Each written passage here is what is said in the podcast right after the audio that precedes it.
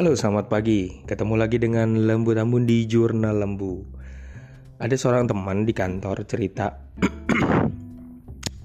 kalau gaji tiap orang tuh sebenarnya beda-beda.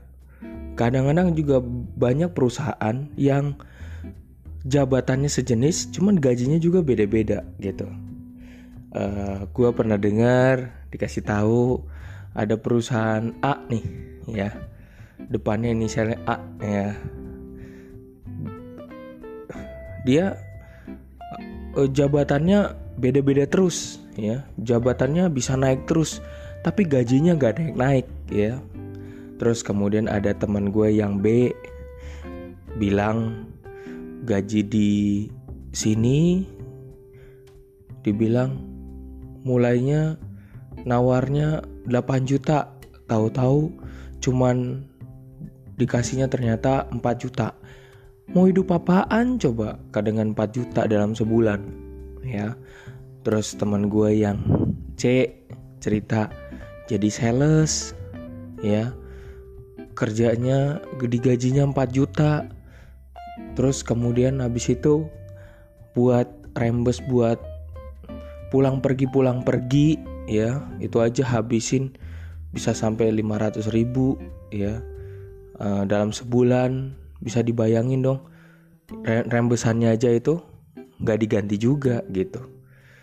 Tapi juga ada di sisi lain ada yang perusahaan temen gue juga yang cerita perusahaan yang gajinya sendiri aja kecilnya paling kecil itu 10 juta. Nah pernah gue naik kereta waktu di Sudirman ada dua cewek dateng mulai dah gosip tentang isi kantor mereka mereka ngomongin tentang gaji mereka sendiri.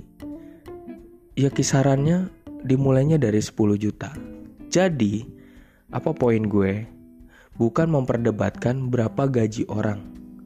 Tetapi memang setiap perusahaan punya kebijakan tentang gajinya masing-masing.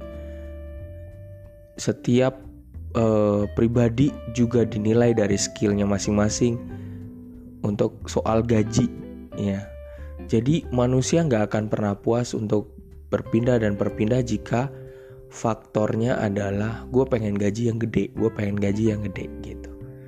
Setiap orang tetap punya uh, keinginan untuk berusaha untuk mendapatkan gaji yang uh, besar.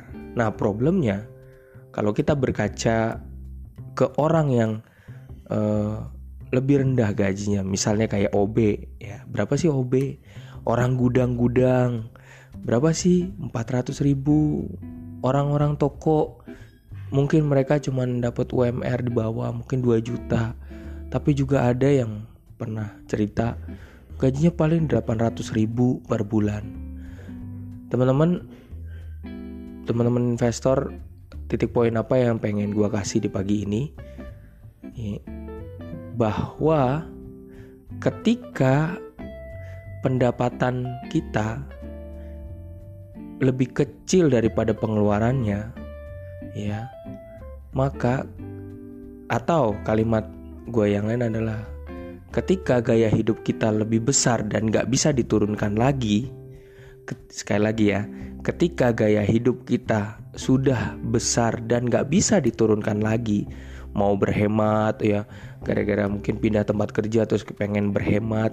Terus tapi nggak bisa. Sekali lagi ketika kita nggak bisa menurunkan gaya hidup kita maka kita harus menaikkan pendapatan kita. Entah berbagai macam cara. Dengan side jobs yang mungkin kita harus cari dan kita harus temukan sesuai dengan passion kita. Sekali lagi ketika gaya hidup kita tinggi, ketika pengeluaran kita tinggi dan gak bisa diturunkan lagi, maka kita harus menaikkan pendapatan kita entah bagaimanapun caranya. Demikian inspirasi pagi ini, semoga uh, makin mantap selalu. Salam dari gua, lembut ambun hanya di jurnal lembu.